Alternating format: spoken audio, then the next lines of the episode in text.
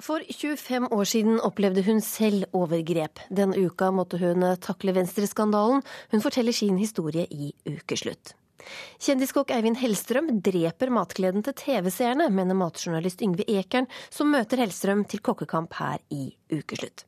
Jeg heter Linn Beate Gabrielsen, og snart tar storfavorittene Plumbo turen innom Ukeslutt på vei til Oslo Spektrum og finalen i Melodi Grand Prix. Denne uka ble nestleder i Venstre Helge Solum Larsen anmeldt for voldtekt av en 17 år gammel partikollega.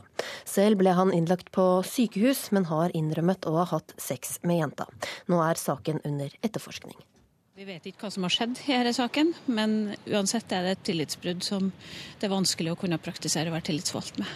Du fikk vite om dette på søndag. Hva tenkte du da? Nei, dette er det verste tenkelige. Dette er bare fælt og at vi skal ta vare på folk. Dette sa Venstre-leder Trine Skei Grande tidligere i uka. Gro Skartveit, du er leder i Venstres fylkestingsgruppe i Rogaland, og du kjenner Solum Larsen godt. Hvordan har denne uka vært? Den har vært helt forferdelig. Og, på et vis så er jeg inne i bobla der jeg tenker jeg, jeg håper at dette ikke er sant, men det er sant. Så ifra Ifra vi hadde dette møtet tirsdag ettermiddag, så har det altså gått i et Der er sorg, der er fortvilelse, der er fryktelig mange som har det mørkt. Så det har vært tøft, og er tøft. Mm. Du har jo selv en uh, historie hvor du har uh, opplevd overgrep fra en uh, predikant da du var ung, og det ga du ut bok om for 15 år siden, 'Ulvar i, i lammeflokken'. Kan du fortelle hva som skjedde deg? Altså Kort fortalt så var dette en, en predikant jeg, som var tillitsvalgt og som hadde stor posisjon i organisasjonen. Som jeg gikk til samtale til, der han ba for meg, og etterpå, rett etterpå han, så forgrep han seg på meg. Eh, dette gikk det ti år før jeg, ni og et halvt før jeg sa til et eneste menneske. For det at jeg vågte ikke å si noe pga. at uh, denne personen hadde en egen posisjon at jeg var veldig sikker på at de kom ikke til å tro på meg. Det som viser seg når jeg fortalte min historie, det var jo at det kom kvinne etter kvinne som kunne fortelle det samme, både i kristne organisasjoner og òg har kommet i politiske partier. Jeg har skjønt det sånn at det tok lang tid før du faktisk skjønte at dette her var et overgrep, at du ikke var eh, skyld i det. Hvorfor tror du det var sånn? For det at eh, en blir egentlig opplært til å tro, og det, det, er litt farlig på en måte, men, men en blir opplært til å tro at de som har fått så sentrale posisjoner, andre gir de tillit, andre ser opp til dem. De blir på en måte ufeilbarlige, og, og vi snakker ikke om dette. Jeg vågte ikke å si noe, for jeg var sikker på at det var min feil. Og hvis jeg sa noe, og det skulle nå være hans feil, så ville jeg ødelegge for organisasjonen. Jeg ville ødelegge for Gud. Da, det var grunn nok til tida. Mm. Ja, hvilken betydning tror du um, din egen erfaring da, har, ha, har hatt for um, når du nå på en måte står oppi det og skal være en av de som håndterer en sånn hendelse? Når jeg fortalte dette, og offentlig med navn og alt, så utløser jo det et skred av henvendelser. Da har jo sett mønster ifra veldig mange slike saker.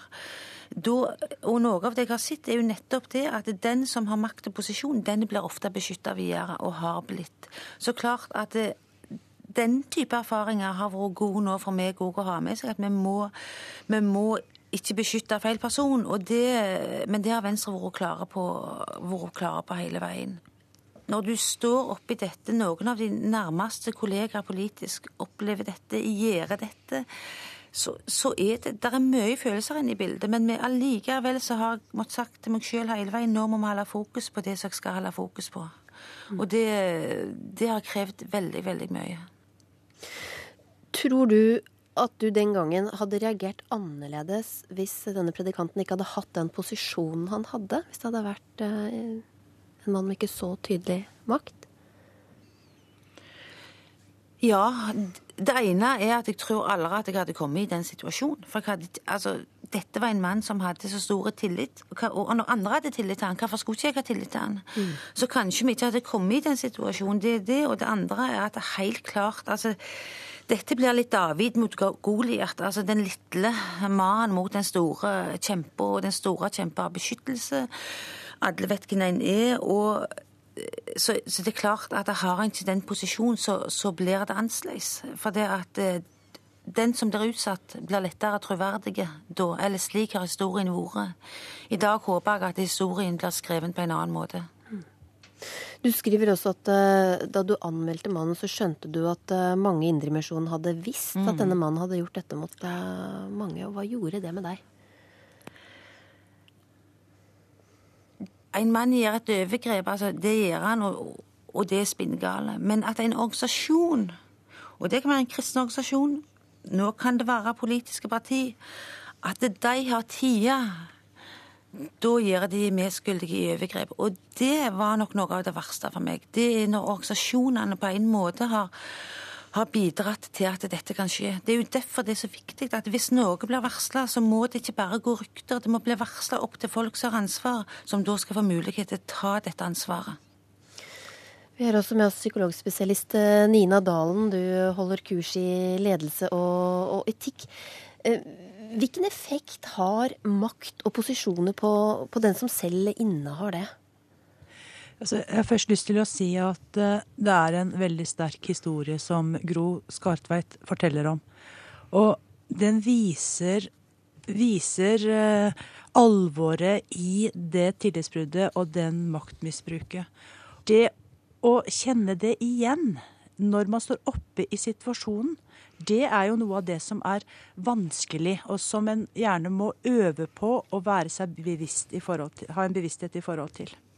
Hvordan virker makt på, på andre, eller de som er rundt den som har makt? Altså jeg jeg, ja, jeg syns en av de involverte i Birkedal-saken illustrerte det når han sa at han var som en gud. Mm. Og det sier noe om hva som ligger i denne makten. Denne makten har med seg trygghet og tillit. Det er en som kan gi og ta fra deg goder. Og i politisk sammenheng, som vi snakker om her, så er det også en som kan invitere deg inn på en arena hvor du blir sett, og hvor du også kan oppnå anerkjennelse. Så dette er egenskaper i kraft av en posisjon som dekker helt grunnleggende behov hos oss alle sammen. Men du snakket om det at uh, man må lære seg, den som har makt, må lære seg å, å, å kjenne igjen situasjoner. Hvordan kan man øve seg på um, å drille seg selv da, i, i disse tingene? Mm.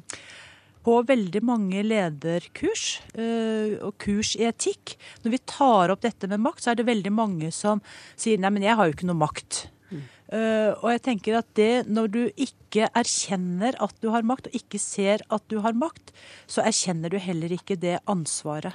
Når vi snakker om de politiske partiene, så hører vi veldig mye om en bevissthet og en erkjennelse blant ungdommen.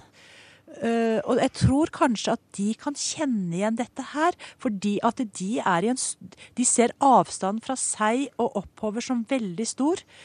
Men jeg tror når du har kommet dit, når du har vokst, og du, og du står der og har fått den posisjonen, så tror jeg du glemmer det Eller det ser ut som at man da glemmer uh, den, hvordan det kjennes ut når man står nede og ser opp.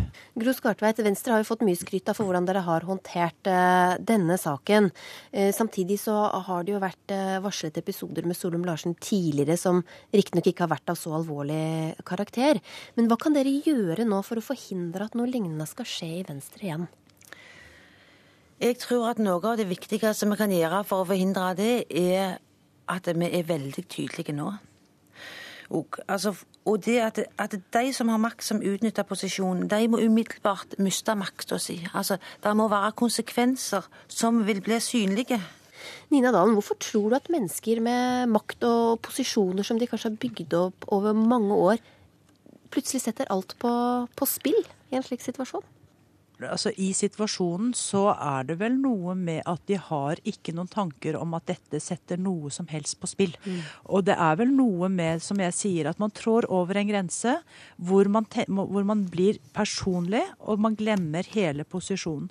Jeg tror også at det er sånn historisk sett så er det jo helt nytt. Det er helt nytt, sånn som har skjedd nå i forhold til Venstre, at den personen som gjør sånne ting, misbruker sin makt, misbruker tillit, mister sin posisjon.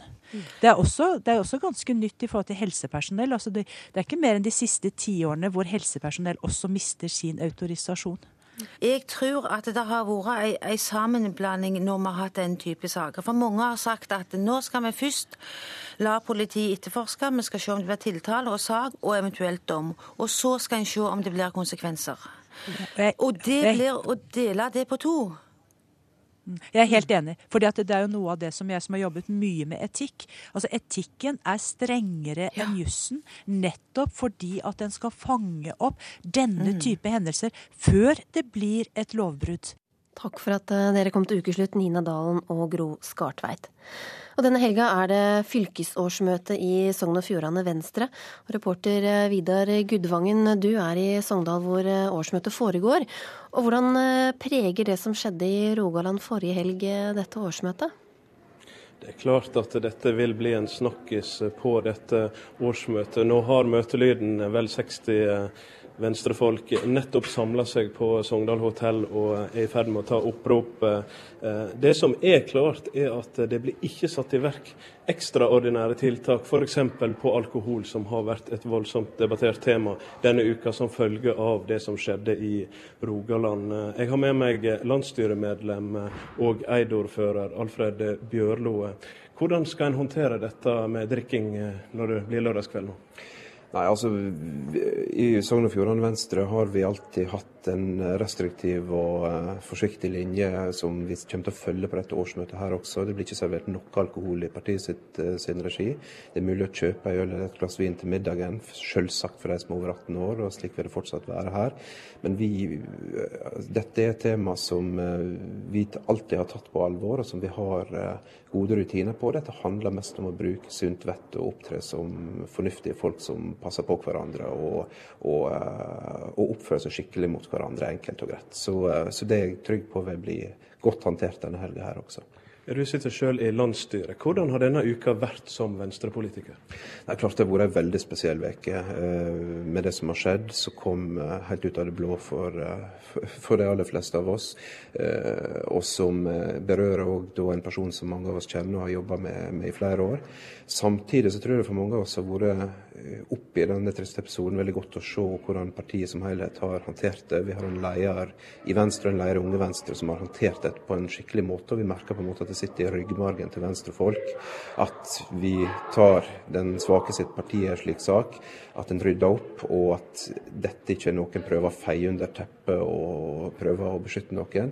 Dette er ting det må ryddes opp i, og, og slike handlinger er uakseptabelt i et parti som Venstre. Og, og, det, og hvordan dette har stått i ryggmargen på hele Venstre, har trådt opp i den triste situasjonen, vært veldig godt å se. Ok, Det er ingen tvil om at dette vil bli et tema også på eh, fylkesårsmøtet i Sogn og Fjordane Venstre. Takk til ordfører Eid Alfred Bjørlo og reporter eh, Vidar eh, Gudvangen. I kveld skal de norske TV-seerne avgjøre hvilken låt som skal sendes som Norges bidrag til den internasjonale finalen av Grand Prix i Baku. Plumbo er favoritt hos de tre oddsselskapene, Nordic Bet, Betsafe og Betson, og jammen er det ikke Plumbo de andre artistene frykter mest for kveldens finale. Velkommen hit, eh, bassist eh, Tommy Gjelstad fløytist Glenn Hauger. Dere er eh, favoritter, og det lover vel godt for kveldens finale? Det gjør jo det. Eh, vi har fått mye sånne favorittstempel og sånne ting, men vi anser oss absolutt ikke som det. Nei. Blitt kjent med de andre deltakerne veldig bra for så vidt nå, og dem er jo fantastiske artister. Flotte vokaler og ikke minst danseprestasjoner og mye som vi kanskje stryker helt på. Ja, hvem, hvem frykter dere mest? Nei, hva skal vi? Ja, jeg tror eh, kanskje Tooji kan bli veldig farlig. Mm. Det er jo bare fire uker siden vokalisten deres fikk helt et glass eh, champagne over seg på Spellemannfesten. Um, hvordan, altså I går var det jo på pølsefest hos Per Sundnes, hvor alle de andre artistene sa at det er dere de, de frykter. Hvordan oppleves det å ha det storfavorittstempelet? Vi, vi, tenker vel, vi føler ikke så veldig på det. I hvert fall ikke den, Vi er så fokusert på Grand Prix og det vi skal gjøre der. Og, og vennskap og det der, atmosfæren og det som vi har sammen med de andre deltakerne, den er så flott. Så, det, så vi merker ikke det på jeg tror det er alle andre rundt oss som merker det mye mer enn oss. Champagne ble for øvrig også beholdt oppi glassa denne gangen i går. Så det gikk veldig bra for seg. Men tror dere at selve Mokkamann-kommentaren faktisk har hjulpet dere fram? Jeg tror det vil være feil å svare nei på det, eh, på en måte. Men eh, det skulle ikke vært sagt, og vi er dønn ferdig med det. Så ja. De Berlin i ettertid, de eh, var litt skumle og høye en periode, og så har de flata seg litt ut. og vi... Men jeg håper jo at det er musikken som eh, I forhold til Spotify, disse streamingtjenesten, da, dette er det som vi kan lese av nå det, Man får jo ikke gitt sympatierklæringene sine gjennom Spotify. De laster jo ikke ned musikken fordi de syns eventuelt synd på oss. Nei. Så det må jo være andre ting som de syns er bra òg, da. Mm. Men um, i delfinalen så måtte takktalen deres uh, forhåndsgodkjennes, ble det i hvert fall skrevet. Har dere levert inn manus for en eventuell takketale i kveld? Nei, det, vet du, det har vi ikke tenkt på ennå. Først skal vi gjøre noe finalen, og så får vi se hvordan det går. Mm. Dere stoler på at dere skal klare det denne gangen? Det er vi veldig trygge på, faktisk. Mm. Ja, Man lærer av sine feil, vet du. Mm. Um, dere har platetitler som uh, Rock'n'Roll-Harry og På vei til uh, Harryland. Er dere harry, syns dere sjøl? Uh, nei. Nei. Jeg tror jeg er ganske vanlig. Jeg tror faktisk det. Mm. Selv om, uh, hvert fall på scenen, Lars Erik har på seg cowboystøvler og er litt bajas i klesveien. Men jeg har jo i andre òg, for så vidt. Men til vanlig så er vi bare en gjeng med joggebuksegutter, og alt er jo Vi er jo er helt likt. Så jeg tror ikke vi er noe veldig annerledes. Men det henger noen terninger i speilen på hver en bil. Da. Det gjør det, men det er bare et lite, sånn, en lite symbol fra gamle dager, kanskje. Men eh, anmelderne gir jo lave, lave terningkast. Men hvem er, det som, eh, hvem er de som digger Plumbo når dere er ute og spiller? Det kunne vært deg, tenker jeg. For eksempel. eh, men det er jo eh, blitt i seinere tid både liten og stor, egentlig. Men på festivaler og på puber og andre som steder man går ut, da, så er det jo egentlig bare menigmann i gata. Og når stemningen er til rette, så tror jeg alle i hvert fall får en trivelig kveld. Som det ikke er noen store lyrikkviser og dype ting og flotte, eller flotte saker her og der, så har i hvert fall folk en veldig hyggelig stund sammen med oss, tror jeg. Mm. Og selv om da disse ekspertene ikke levner dere store sjanser, hvis det nå blir dere som skal representere Norge i, i Baku, hvilke land tror dere kan like Ola Nordmann? Det er veldig vanskelig å vite. Det og vi, vi, vi, tenker ikke noe særlig på det. Vi, for først må vi gjøre noe i finalen, og det er det, der vi har fokuset vårt. Mm. Og at Vi skal på en måte gi alt der, så får vi se hvordan det går. Må ta, ta det litt etter hvert, tror jeg. Ja, de, der, de inntrykka som eventuelt skulle komme. Men uh, det er tre minutter som er ilden først. Mm. Reidun uh, Sæther skal spille på kropp i kveld, har jeg skjønt. Og Tommy Tredvang har fått seg coach, og Bobby Beer truer med å kle seg naken. I hvert fall i, i media. Her skal det ikke spares på noe. Har dere vurdert å kaste noen plagg ja, Vi spiller på bass og fløyte, så får vi se åssen det går. Men har dere noe hemmelig kort dere skal dra i kveld? En liten ekstra Tommy har kledd seg naken før, han, og det funker ikke så bra, syns vi da. vi lar den ligge i hvert fall, men eh, nei. Vi har ikke så mange kort å dele ut på sånne, sånne andre ting. Nei. Nei. Hvordan er følelsen da før uh, kveldens finale? Nei, vi, vi, gleder oss veldig til å stå på scenen og, og spille for folket. Og det, ja, det skal bli helt strålende. Veldig. Så gleden har kommet litt mer og mer òg, faktisk. Ja, sånn, eh, og nærmer seg, og det blir, ja, det blir helt supert. Litt, litt nerver og litt sånn veldig glede. Mm. Ja. Og hvorfor skal folk stemme på dere i kveld, da? Nei, forhåpentlig, Forhåpentligvis for at de liker låta, syns den fenger, og at den setter seg godt i øret. Tusen takk, eh, Tommy Elstad og Glenn Hauger i Plumbo. Bli med videre i Ukeslutt, hvor du bl.a. skal få høre at eh, Eivind Hellstrøm raljerer over kjendisgjester som ikke lever opp til hans standard. Det mener Aftenpostens matjournalist Yngve Ekern. Og Hellstrøm gir ham svar på tiltale i Ukeslutt. Og om litt sparker vi utfor bakken i VM i spark i Hurdal. Biologiske foreldre får for mange sjanser før de blir fratatt barna. Det mener et ekspertutvalg som denne uka anbefalte regjeringa å tone ned det biologiske prinsipp i barnevernssaker. Utvalget ønsker også å senke terskelen for adopsjon av barnevernsbarn. Og det bekymrer dem som mener at et endelig brudd med egne foreldre sjelden er til barnets beste.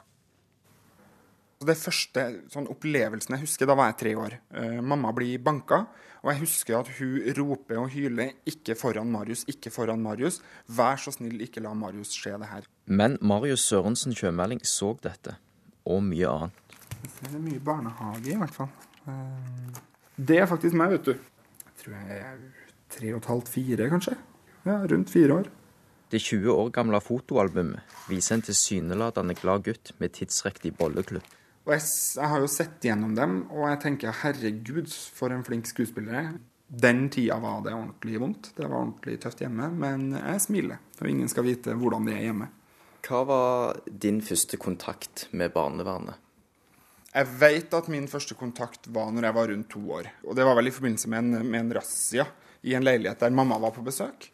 Eh, men den første kontakten jeg husker sjøl, der jeg på en måte første gangen møtte barnevernet, da var jeg vel ja, rundt 8 15 år. Og det var barnevernsvakta som kom eh, hjem til oss når en kompis av mamma fikk overdose hjemme i leiligheten der vi bodde.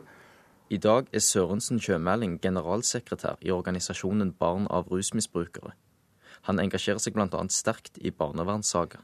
Jeg vet av i altfor mange tilfeller, eh, og kanskje også for min egen del, at, at tilknytning og, og, på en måte eh, samvær og kontakt med biologiske foreldre, det har ført til mer skade enn det har, eh, har vært godt. Samtidig er det sårt å forestille seg en barndom og ungdom helt uten kontakt med mora. Og det er klart at vi fikk jo etter hvert et forhold som nok var at vi, vi ble avhengig av hverandre. Ny barnevernsrapport lagt fram vil legge mindre vekt på biologi når barn er utsatt for omsorgssvikt.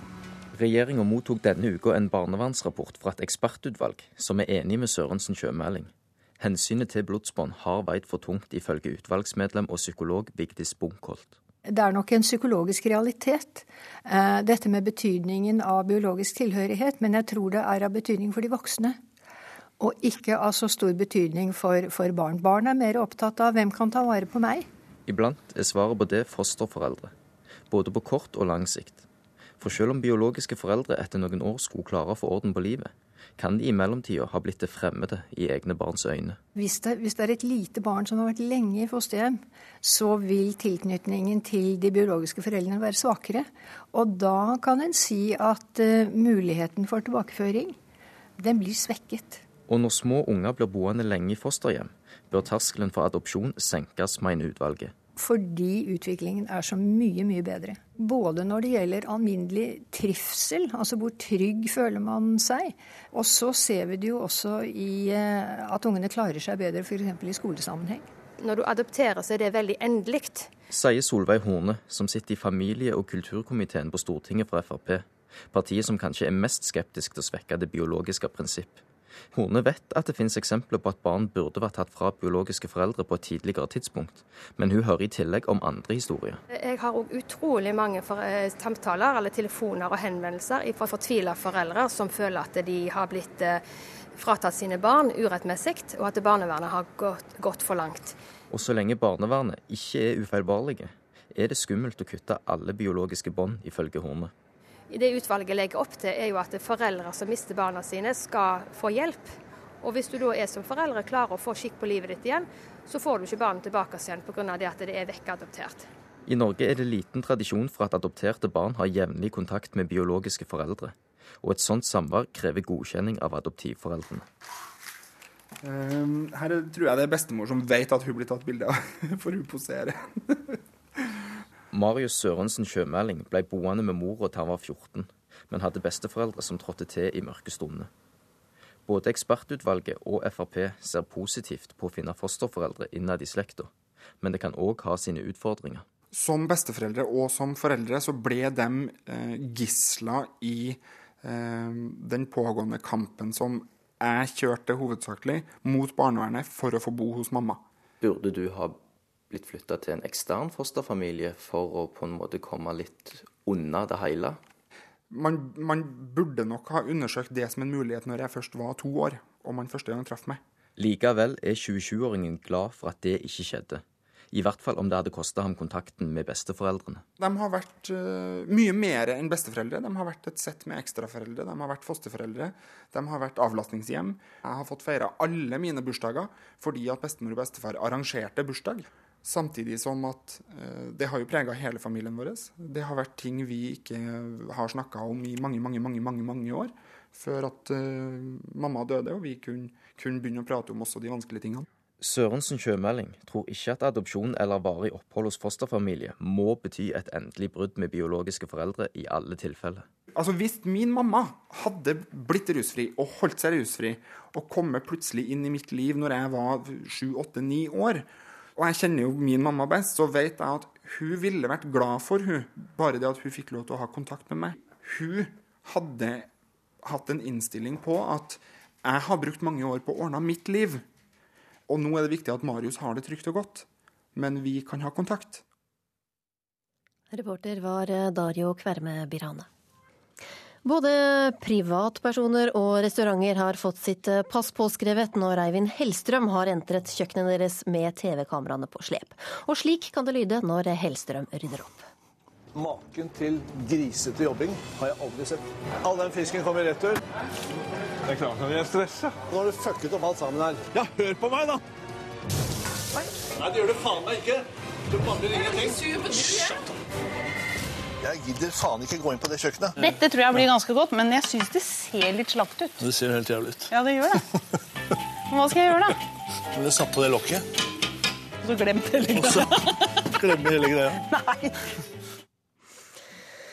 Kjendiskokkene lager et helvete for andre som er med i programmene deres. Det skrev matjournalist Yngve Ekern i Aftenposten denne uka, og tok for seg særlig Eivind Hellstrøms siste program på TV3, Hellstrøm eh, inviterer. Og Yngve Ekern, matlaging på TV er blitt en usympatisk suppe, skriver du. Hva er det du reagerer på? Ja, Nå klarte jeg ikke å holde meg lenger. Jeg syns jeg måtte si fra om at det er skikkelig trist at det er blitt så stor avstand mellom uh, fjernsynsprogrammene om matlaging, og hvordan vi i hjemmene våre har det rundt matlaging. For matlaging er det ypperste av sosialt samvær, hvor vi kan være hyggelige, lage mat sammen, dele ting i gjensidig respekt. Men på TV så fremstår det som en sånn usympatisk eh, macho-konkurranse. og der syns jeg at den nye serien Hellstrøm inviterer, representerer en topp eller et bunnivå. For her er det altså da gjester som kommer med god vilje, men opplever at ingen Ingen lever opp til uh, hans uh, høyvelbårne programleders uh, standarder. Og det jeg det er så trist å se på, og det reflekterer, reflekterer ikke den virkeligheten vi mange matinteresserte har hjemme. Mm. Eivind Hellstrøm, du drev gourmetrestauranten Bagatell i mange år, og nå er du TV-kokk med skarp tunge. Hva tenkte du da du leste Ekerns kommentar? Ja, TV-kokk og TV-kokk. Jeg er programleder i, i tre forskjellige formater. Og det siste som har gått, er jo Hellstrøm inviterer, hvor det har kommet 20 gjester inn. Og, og de har jo kommet inn med stor glede og gått ut igjen med enda større glede. Og når da Yngve skriver at jeg forulemper og ydmyker gjestene mine i det programmet, så kan han ikke vært edru når han har sett det. Fordi eh, eller jeg kan spørre Yngve, har du snakket med noen av de gjestene som har vært med i, i den programserien, og har de gitt uttrykk for at de har blitt ydmyket? Jeg har sett programmene, og jeg har dem på DVD, og jeg hadde gleda meg til å se det også, men du opplever nok en gang at det er ikke i samsvar med den matgleden som vi matinteresserte dyrker. Og jeg veit at 60% av seerne er interessert i mat. Like mange vil gjerne ha slikt stoff i TV og aviser. Over 30% av oss har matlaging som hobby. Men hva er det vi er interessert i å se? Kanskje ikke bare fokusering på kokkers ja, ja, på ego. Og det, det bidrar rett og slett ikke, og det gjenspeiler ikke den store matgleden hjemme hos folk. Og det syns jeg er synd. Men det verste er, det er at disse matprogrammene får en innflytelse også på hjemmekjøkkenet. For jeg syns jeg merker stadig oftere at, at folk har noia for å invitere folk. Eh, nå skal jeg fortelle, Hvis jeg lager noe som ikke er barnas eh, favorittrett, så kan de finne på å si til meg dette hadde jeg ikke gitt til bikkja mi engang. Inspirert av deg, Eivind. Og jeg merker at når jeg er på besøk hos folk og de lager mat, så er de litt sånn på nåler. Er det bra nok, eller er det sånn ja, Det blir rett og slett en konkurranse i privatlivet Men, også. Det overføres sånn, og det er, det er ukoselig, rett og slett. Ja, hva tenker du om det matgleden til oss der hjemme? Jo, jeg syns matgleden er uh, definitivt på, på, vei frem i Norge. Det, det er, på generelt nivå så vil jeg si at matinteressen Eh, ikke, ikke, nødvendigvis matgleden, men matinteressen har jo vokst eh, enormt. Og om det skyldes TV eller uh, Yngve Ekerns, uh, som er matjournalist i Aftenposten, eller uh, helt andre ting. Så det er helt, egentlig ganske uinteressant. Fordi Jeg syns jo bare det du skriver er sånn helt stakkarslig, da. Det er sånn bakstreversk, og det er sånn Hellstrøm-kompleks som du har, og har hatt gjennom mange år. Du har aldri skrevet noe positivt om Bagatell, du har aldri skrevet noe positivt om eh, programmene, du har aldri skrevet noe positivt om noe av eh, Eller jeg har gitt ut ti kokebøker, du har aldri giddet å nevne dem med et eneste setning. Og eh, så du må jo ha et eller annet problem med å se meg på TV, og da er det jo bare å skru av. Du, det er, du, du prøver å fortelle nå at du snakker på vegne av det norske folk, og det er jo bare tullball. Ekern, har du et uh, Hellstrøm-kompleks? Én ting skal programlederen ha, at han er eh, stabil. Alltid sur. Alltid med nedlatende uh, håndfler. Men uh, jeg tror ikke det er snakk om et kompleks her. Jeg ser på mange programmer på TV, og det er forskjell på dem. Noen Men har du noe imot Eivind Hellstrøm? Nei, Eivind Hellstrøm er søt, han. Ja, søt. Det er vel eh, flink, du er flink til å lage mat, men det er ikke det. Men jeg tror at du legger litt lokk på matgleden hos folk når du, Yngve, vår, vår, vår matverden er, eh, står på to forskjellige planeter. Du er en eh, bakstreversk eh, kokk og matjournalist som står på ditt eget kjøkken. Og senest i dag så skriver du om kyllingvinger. Og eh, For noen dager siden så, så var det Mattilsynet som gikk inn og, og bare fastslår at kyllingproduksjonen i Norge er katastrofal. Og Hadde jeg vært matminister, så hadde jeg stengt alle kyllingproduksjonen i Norge. Men Ja, du skriver at du oppfordrer liksom at man skal spise mer kylling, og det er så sunt og det er så fantastisk. Hva er det for noe? Nei, du, du, har, du har jo Kjære Eivind, det står jo i saken. ja, du skriver, med, som, var du skriver med en liten setning. Du tør ikke ta, du tør ikke gå frem og gjøre noe. eh, Du tør ikke si nei til noe. Du er, du er rett og slett bare en eh, ja, hva skal jeg si? Det er en uh, amatørkokk som prøver å fortelle at du, uh, den maten som du uh, skriver om i Aftenposten hver uke, det er noe som er fantastisk. Og så liker du, ikke, liker du ikke å se andre utfolde seg. Men, men, men, men Helstrøm, du sa jo at Kristin Halvorsen skryter så helt jævlig ut. Er det ikke god nok TV da? Bare det vise. Ja. Men er det ikke god nok TV å bare vise hvordan man lager mat? Jo, men det er akkurat Må det jeg man- gjør. Det er akkurat det jeg gjør, fordi hvis, eh, hvis den oppmerksomme seer har fått med seg de 20 eh, programmene, så er det eh, nummer én, det er eh, humor.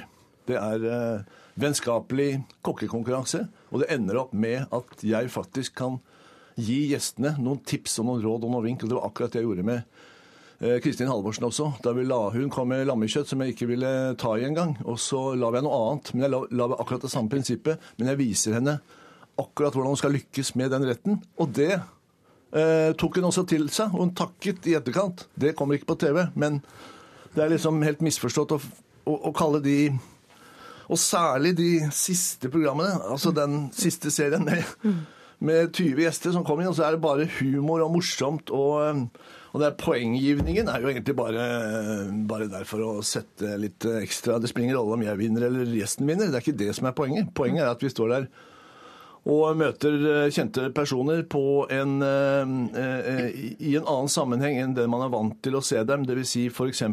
Kristin Halvorsen, da, som blir trukket frem som et eksempel. Ekern, er ikke dette underholdende TV? Det er i hvert fall illustrerende radio, vil jeg si. Eh, men mitt poeng er rett og slett bare å etterlyse litt sånn vanlig matglede og sjenerøsitet. Og kan det bli så gærent? Og det er ikke én som har rett. Men. Yngve, hva er vanlig mat Du snakker om vanlig matglede. Hva er det for noe? Vanlig matglede? Vanlig matglede er å eh, delta sammen med noen. Vise respekt for det man er sammen med. Prøve noe nytt. Og vanlig matglede er at det er ikke én sannhet. Det er ikke én som vet alt. Og det er ikke bare én måte å gjøre det på. At vi kan være litt mer sjenerøse med hverandre enn det som jeg syns reflekteres i de nye TV-seriene. Dette er en tendens som har utvikla seg Ja. over år. Og min bekymring er at den også begynner å infisere hjemmene til folk. Der hvor det også blir litt som en konkurranse. og eh, at folk kvier seg for å invitere, rett og slett. Fordi at det, det er blitt sånn, Da må du vinne, og du må briljere, og du må leve opp til en standard. og Sånn er det ikke i virkeligheten. Eivind Hellstrøm, jeg Ja. tror du er nødt til å invitere Yngve Ekern til kokkekamp i, i, i programmet ditt. Hvem tror du vinner da? Du står øverst på lista eh, neste gang, Yngve. Takk for at dere var med i uh, Ukeslutt.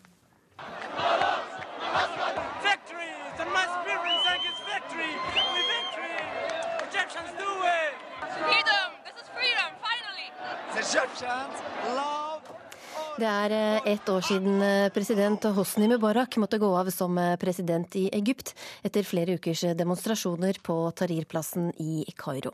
Dette markeres i 16 land i dag, og i Norge lager Amnesty Tahrir-plasser i Oslo, Bergen, Stavanger, Trondheim og Tromsø. Reporter Katrine Humberseth, du er på Egertorget i Oslo, og hva er det som skjer der? Ja, som du sier så er det i dag nøyaktig ett år siden Mubarak trakk seg fra makta i Egypt. Og her i Oslo, på Egertorget, så eh, er plassen gjort om til å se ut som eh, Tahrir-plassen. Flere hundre mennesker er innom her. Og de vil vise solidaritet med opprørsfolket i Midtøsten og i Nord-Afrika, og de vil protestere mot brudd på menneskerettigheter. Her spilles, som du kanskje kan høre, egyptisk musikk. Det holdes appeller, og mange har eh, møtt opp for å skrive sine protester på arabisk. Jeg står her med spesialrådgiver i Amnesty, Ina Tin. Hva er formålet med denne markeringa? Formålet med at vi symbolsk gjenoppbygger Tahrir-plassen i Norge, mange byer faktisk i, i Norge og mange andre steder i verden i dag, det er for å vise solidaritet med de som fortsatt må kjempe for respekt for menneskerettighetene i Midtøsten og Nord-Afrika. For det er sånn at i Egypt bl.a. da er 12 000 mennesker som har sagt sin mening, gått på gata, kritisert de militære myndighetene.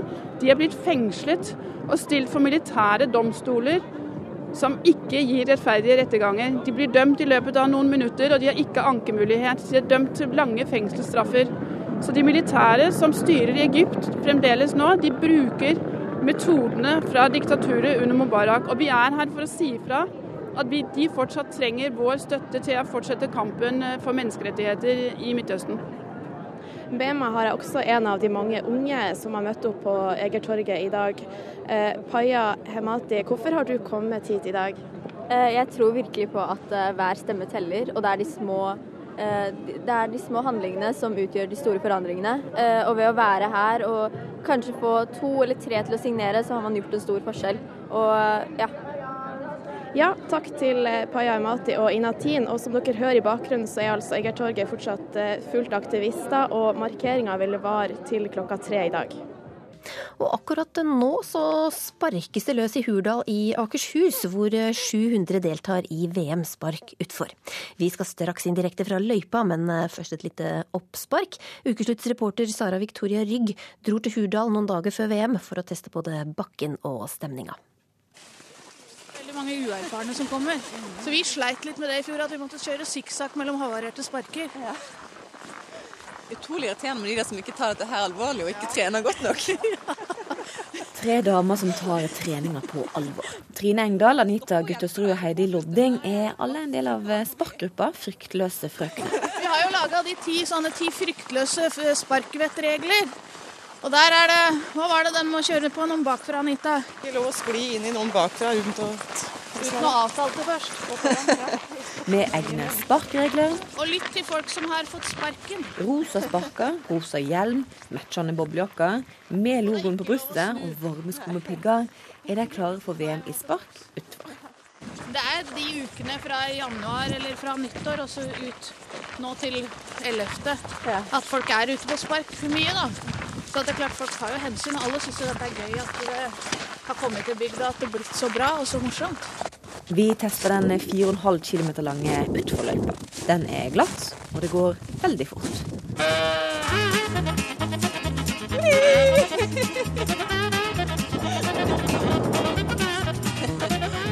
Nå var jeg ikke bra på å sette bremsa.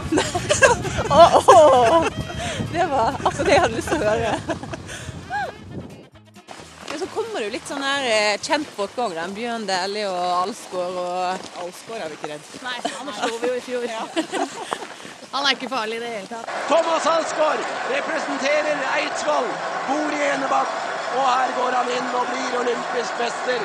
Thomas Alsgaard. Ja, han kom jo på tredjeplass i NM. Og med tanke på at vi slo han da i fjor, så er jo vi enda bedre enn landslaget på ski. Så det, vi er ikke redd noen. Jeg ser det kom en konkurrent. Jeg bare ligna på han. Han på 2,93. Oh, Rolf. De fryktløse damene frykter ingen, sier de. Men de studerer teknikken til konkurrenten som nærmer seg nøye. Fint føre. Veldig fint. Mannen i den hvite topplua er raskere enn lynet og er en konkurrent til damene på Rosaspark. Jeg drar hjem til han for å spionere. Hei, hei, Rolf. Konkurrenten heter Rolf og er en real sparkentusiast. Rolf er 92 år og umulig å holde følge med der han springer over tunet. Tempo på deg. Der er parken. Den har jeg inne. Men, eh, og det skyldes at han er så gammel. Og da ser du 60 år og så ser sånn ut, så Er sparken din 60 år? ja. Det går fort når du setter i gang. Hvis jeg setter meg hvis jeg setter meg oppå sparken din, da får du ca. 50 kg eh, ekstra vekt, så blir det god trening. Skal jeg prøve det? At Rolf er sprekere enn de fleste, er sikkert og visst. Og i den varme stova finner jeg beviset. Et skap stappfullt av medaljer. Der har vi noe fra Grindelwald. Det var en uh... 1952. Ja. På lørdag er du den eldste som, som deltar? Ja, jeg går ut ifra det. ja, det går jo ikke bra. Men kanskje den sprekeste òg? Ja, det vil jeg si. De fryktløse damene bør frykte Rolf. Vi har ikke noe annet mål enn om å være med og ha det gøy, og den stemningen som er både når det går opp og når det går ned. Og det var som sånn VM-stemning i Kollen, altså. Det var den følelsen. Da tenkte jeg åh, føler meg som en verdensmester. Trine Engdahl, nå skal vi ha med deg eh, direkte fra sparkebakken. Dere har kommet dere opp eh, på toppen, og både ordføreren og kulturministeren har satt eh, utfor allerede. Er det Kollen-stemning i Hurdal i dag, eller? Ja, det er veldig Kollen-stemning. Det er kjempestemning. Masse, masse mennesker. Hvordan fungerer sparken så langt? Den der var siste bekymring. Det er mer å prøve å unngå sånne kyllinger som prøver å klemme til kyllingburger og legobrikker som kommer bort også. Så, men sparken tror jeg er bra. Men Hvordan så formen til ordføreren og kulturministeren ut, da? Det var veldig bra at kulturministeren kom litt i seneste laget, så hun var litt stressa. Men hun kom av gårde når startskuddet gikk, i hvert fall. Mm. Og nervene deres, da? Har dere de under kontroll? Eh, Det er vi ikke helt sikre på. Jeg tror det går bra. Tusen takk, eh, Trine Engdahl i Fryktløse frøkner. Håper dere får et fint løp, også at dere koser dere ordentlig på Afterspark eh, etterpå. Lykke til!